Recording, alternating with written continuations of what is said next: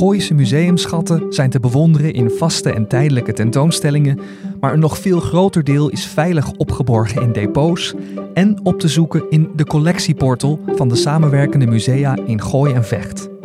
Mijn naam is Caspar Stalenhoef en in deze podcast zoeken we een aantal museumschatten online op en horen we welk verhaal erachter zit.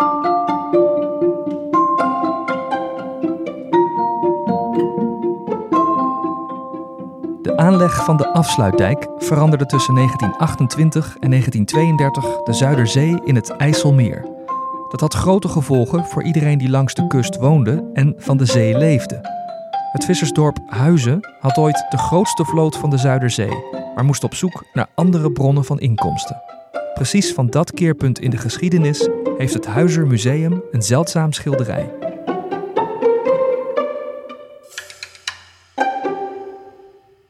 De Zuiderzee sprak eeuwenlang tot de Nederlandse verbeelding. Dat is ook af te zien aan de collectieportal op gooisemuseumschatten.nl. Als je die doorzoekt op het woord Zuiderzee, krijg je bijvoorbeeld een lithografie van het Muiderslot met de zee zichtbaar aan de horizon. Je krijgt een typisch schilderij van Jacob Maris uit 1873 op de Zuiderzee. En uit 1925 een schilderij van David Schulman, de Zuiderzee bij Huizen. En om dat schilderij draait deze aflevering. Om die in het echt te zien ging ik naar het Huizer Museum, waar ik werd ontvangen door Sjors Layendekker. Hij is daar vrijwilliger en hij is in de afgelopen jaren de schilderijen-specialist van het museum geworden. Hij vertelt wat David Schulman hier heeft geschilderd. Op dit schilderij zie ik uh, de Zuiderzee. Mm Met uh, de kenmerkende bruine zeilen van uh, de botters. Ja, die zie je daar zie je ook in de, in de witzeil ook nog, ja. dat is waarschijnlijk een vrachtvaarder. Ik zie een, een paard aan die oever staan. Ja, In perspectief volgens mij een beetje groot. um, ik zie een vrij rustige Zuiderzee. Ik denk Ja. windkracht 3. Uh, geen buitje aan de horizon. Uh, een beetje een romantisch uh, beeld van de Zuiderzee, denk ik. Ja, wel een beetje donker. Het is wel een soort donkere lucht. Ik denk dat dat uh, meer ligt aan uh, het schilderij, aan de vernislaag en dat het is uh, schoongemaakt moet worden, Mm. dan aan de lucht zelf. Dan zou het Want zomaar wat heldere dit dag soort weer, zijn. bij dit soort weer kan het fantastisch licht zijn aan die Zuiderzee. En het lijkt een rustig beeld, maar zeven jaar voor dit schilderij, in 1918, was de Zuiderzeewet aangenomen. En die zorgde ervoor dat drie jaar na dit schilderij de aanleg begon van de afsluitdijk. Dat was voor Huizen en alle andere gemeenschappen aan de kust een keerpunt. Huizen had zich in de eeuwen ervoor ontwikkeld als een vissersdorp, met, zoals gezegd, de grootste Zuiderzeevloot van Nederland. En die hadden ze niet zomaar opgebouwd, want toen rond 1650 de eerste huizers de visserij ingingen, bleek dat voor Huizen de zee niet diep genoeg was om te kunnen aanmeren. Die hele Zuiderzee uh, aan de zuidkant, die is, dat is eigenlijk een grote ondiepte. Dat water is overal maar 2 tot 4 meter diep. Dus die huizervissersboten, die uh, botters, die konden eigenlijk niet verder komen dan 500 meter ongeveer vanaf het land. Ja, en hoe overbrug je de en rest dan? op de reden van tussen Naarden en Huizen moesten die botters hun vis lossen. En daarvoor moest je een kwartier waden door het water met paard en wagen. En er is zelfs onder water een, uh, een keienweg, een, een, een, steenweg aangelegd Oh ja. om die paarden, uh, die paardenkarren van de boten naar de wal te krijgen. Ja, Dus het is wel uh, moeizaam geweest, ja dus aanvankelijk. ja, dus Want op die reden kon het behoorlijk stormen toch ook. En toen zijn er heel wat, uh, wat vissersboten verloren gegaan en heel wat levens ook. Mm. Ja, dus dat is echt het begin van die visserij. Dan, Dat is het begin van die hoe, visserij. hoe gaan we dit aanpakken? En Ja. dan lag Huizen eigenlijk dus niet zo gunstig, omdat het uh, water zo ondiep was. Precies. Dus ja, hoe ga je ermee om is dus zo. Eerst op zee, Ja, je vissen uh, afladen Ja. en naar het land proberen te krijgen. maar het was economisch al wel zo'n succes... Toch dat wel. in 1811 men begon over wij willen een haven. Ja, En dat is een avontuur op zich geweest. Daar is 40 jaar overheen gegaan totdat in 1854 1854 de haven uiteindelijk gerealiseerd werd. Maar daar moest wel 40 jaar voor aan de bel getrokken worden bij vooral provinciale staten. Die vonden het steeds te duur. Er is ook een request eh, geweest aan de koning vanuit het gemeentebestuur, wat uh, niet gehonoreerd is. En uiteindelijk ehm, hebben Rijk, provincie, gemeente en de vissers zelf, en de grondeigenaren hebben ook een bijgedragen. De vissers zelf hebben ook 6000 gulden in de pot gedaan. Hm. En beloofd dat ze 30 gulden havengeld per jaar zouden betalen. Ja. Zo is hutje bij mutje uiteindelijk de financiering van die haven gelukt. Er werd een havendam aangelegd. Dat is de smalle pier die je op het schilderij van Schulman het water in ziet lopen. En landinwaarts werd een vaargeul gegraven en de haven aangelegd. De vissers hoefden daardoor eindelijk niet meer op zee aan te meren. En nog meer inwoners van Huizen konden daardoor hun geld verdienen met de visserij. Ja, dan ontstaat daar een hele visverwerkingsindustrie. Ja. Er ontstaan daar de visrokerijen, de mandenmakerijen profiteren ervan.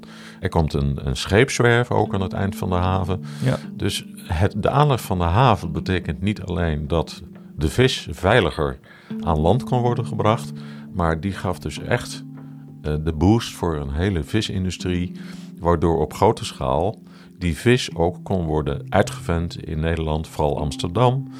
En ook heel veel gerookte haring, dat heet bokking, mm naar Duitsland kon worden geëxporteerd. Ja. Via de Gooise Moordenaar, het trammetje. tram, ja. En vervolgens op de trein. En zo kwam het in Duitsland. Ja, dus eigenlijk zo vanaf de aanleg van die haven, 1854, zegt dus ja, de hele tweede helft van de 19e eeuw ontstaat die industrie en wordt Huizen echt dat, dat, dat vissersdorp. Wordt echt een, uh, best een rijk vissersdorp. Ja. Het is ook nog wel leuk om even te, te vertellen dat um, haring en bot, dat waren wel de hoofdsoorten die gevangen werden. Maar als er ansjovis zat op de visgronden en dat gebeurde zo uh, onregelmatig, niet elk jaar, mm. dan waren dat gouden tijden voor de mm. vissers. Ansjovis was heel veel waard. En je kunt aan de jaartallen van woningen hier in het oude dorp van Huizen nog zien wanneer er uh, ansjovisjaren zijn geweest. Omdat er dan zo'n boost voor de economie was. Een uh, ansjovisjaar betekende voor een goede visser dat hij een nieuwe botter kon betalen hm. en een nieuw huis. Dat wil wel dat zeggen. is welvaart. Ja, ja precies. Ja. ja. En zo krijgt Huizen dus echt gewoon een heel nieuwe identiteit natuurlijk ook als, uh, als, als vissersdorp. Ja, en, en rijkdom als vissersdorp. Ja, dat heeft dus wel zo'n 50 jaar geduurd. Ja. En toen kwam de klad erin. Want ja, die enorme vissersvloot, dat kon de Zuiderzee helemaal niet aan. De huizervisindustrie dreigt aan haar eigen succes ten onder te gaan door overbevissing. En tel er nog twee ontwikkelingen bij op. Steeds meer concurrentie van vis uit de Noordzee en steeds minder vraag uit Duitsland. 1885 waren hier nog 185 botters met registratie in huizen. En in 1911 waren dat er nog 110. Ja. En ja, dat toont wel aan hoe snel de afname van het aantal vissers en het belang van de visserij in uh, een huis, hoe snel dat is gegaan.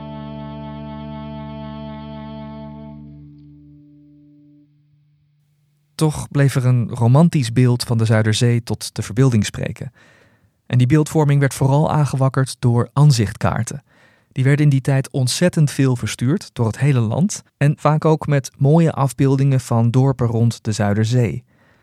En dat gold ook voor een van de populaire verzamelalbums van koekfabrikant Verkade, die uitkwam in 1914.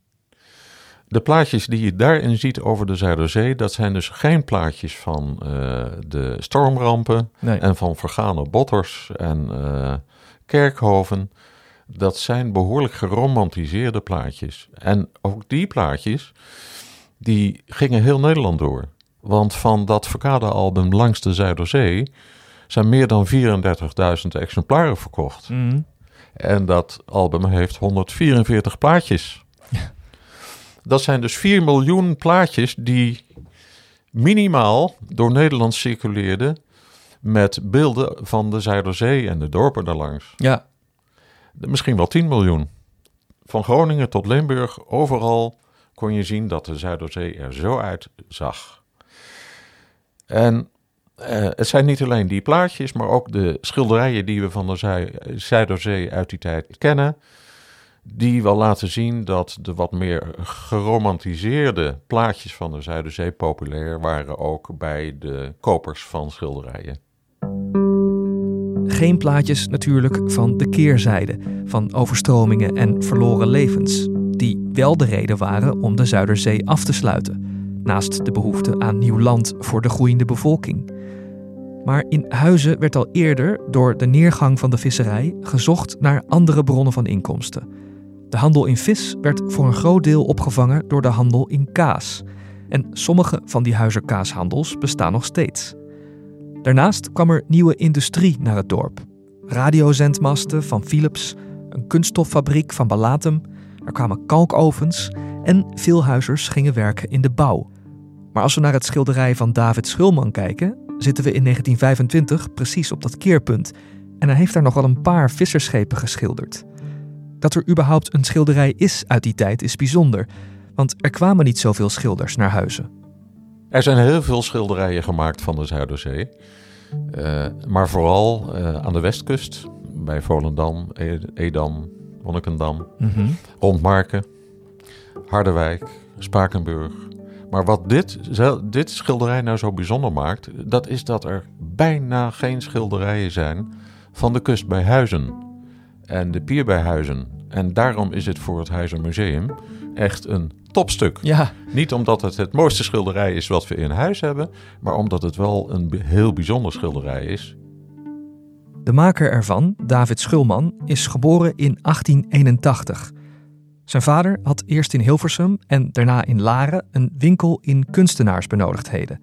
En de jonge David bracht voor hem de bestellingen rond. Zo kwam hij dus in contact met de Larense kunstenaars. En die hebben we in deze podcastserie al vaker besproken. Het was de tijd van de Larense school, met schilders als Jozef Israëls, Anton Mauve en Albert Neuhuis. En het was deze Neuhuis die ontdekte dat de 37 jaar jongere David Schulman ook goed kon schilderen. Hij werd uitgenodigd om in hetzelfde atelier te komen werken, de Vlasschuur. En die was opgericht door iemand waarover we ook een podcast hebben gemaakt. Kunstenaar mecenas Jan Hamdorf had die vlasschuur gekocht en eh, ingericht als atelier. Daar waren zeven kunstenaars en David Schulman was er één van. Toen nog met baardje en snor en heel jeugdig, want hij moest flink rondfietsen om de bestellingen rond te brengen. Al snel raakte hij verloofd en eh, zijn, eh, zijn schilderijen begonnen echt go- goed te lopen en op eh, tentoonstellingen eh, behoorlijk eh, op te brengen. Zijn carrière ging snel, autodidactisch, Ja. geholpen door eh, steun uit eh, allerlei voorgangers uit de Larense school. Ja. Want eh, David was wel een van de laatsten die we nog kunnen rekenen tot die Larense school. Ja. En hij was jaargenoot van Jan Sluiters en Leo Gestel. En het is heel bijzonder om te zien hoe Jan Sluiters en Leo Gestel de stroming van het modernisme zijn ingeslagen. Mhm. En David Schulman, die is tot het eind van zijn leven, en hij is 85 jaar geworden, tot het eind van zijn leven is hij in een pre- impressionistische stijl blijven schilderen. Ja, En nou juist niet die landschappen die de anderen als thema vooral kozen. Geen heidevelden met schapen, geen bossen, geen binnenhuistafereeltjes. David was vooral geboeid door de winters in zijn tijd. Mm. En hij heeft dus heel veel schilderijen gemaakt in zijn woonplaats Laren en ook in Blaricum. Met besneeuwde daken en wintertaferelen. Ik vind zelf eh, David eigenlijk wel een winterschilder, zoals we die ook uit de langere historie in Nederland wel gehad hebben. Begon met Hendrik Averkamp, oh ja. Louis Apol, ehm Andreas Schelfhout. Ik vind David Schulman zeker ook een winterschilder. Als dat je soort ziet, taferelen. ja. Ja. Ehm, het leuke is dat David op plekken is gaan schilderen die waar anderen gewoon niet kwamen. Ja. Eigenlijk ook heel, heel, ja, laten we zeggen, niet schilderachtige plekken. uh, een, een ijzergieterij in Hilversum. Een uh, ontzanding in bedrijf uh, De Limieten in Huizen. En de gaslanden in het Eemland, waar het vee graasde. Dus dankzij die, ja, ik weet niet of je het eigenzinnigheid moet noemen, maar hij had in ieder geval hij wilde naar al die andere plekken eigenlijk. Hij had ook oog voor dat soort bijzondere plekken. Niet alleen hier, maar hij heeft dus veel door Nederland gereisd. Ook uh, helemaal rond de Zuiderzee, in mm. Dordrecht en zo. Havengezichten. Dus hij was bepaald niet echt een, een, een, een schilder van de Larense school... in de zin dat het hier puur om lokale thema's ging. Ja. Hij keek verder en hij keek dieper... En hij keek langer, omdat hij zo oud geworden is. Ja, ja. Ja, en daardoor, dankzij die tochten van hem, is er dus nu dan een schilderij dat dus hier in Huizen gemaakt is, wat zo uitzonderlijk is. Zo is het. En daarom is het Huizer Museum zo uh, trots ja. op het uh, schilderij in deze collectie.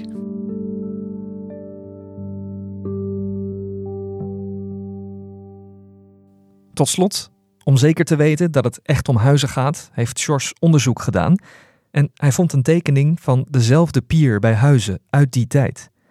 Schulman heeft die rechts op het doek gezet, waardoor Sjors makkelijk de exacte plek kan aanwijzen. Maar sinds de afsluiting van de Zuiderzee is de natuur daar zo veranderd dat je het schilderij van Schulman er niet meer in terugziet.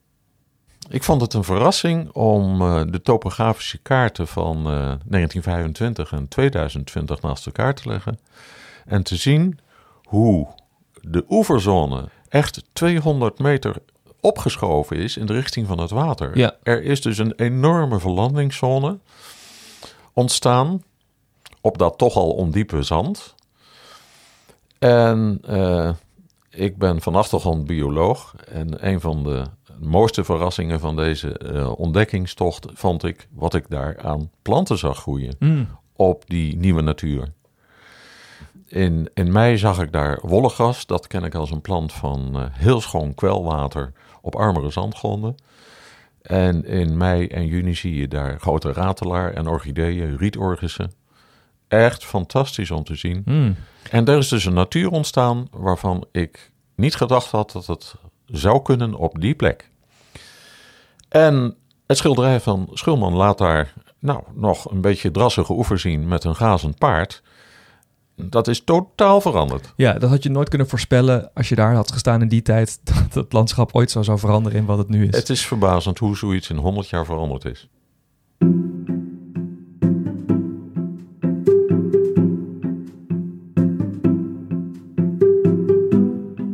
Dit soort verhalen worden verteld in het Huizer Museum.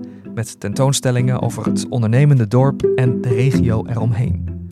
Nu bijvoorbeeld met Hollandse Nieuwe, een fototentoonstelling over streekdracht die in beeld wordt gebracht door nieuwe Nederlandse vrouwen met een buitenlandse achtergrond.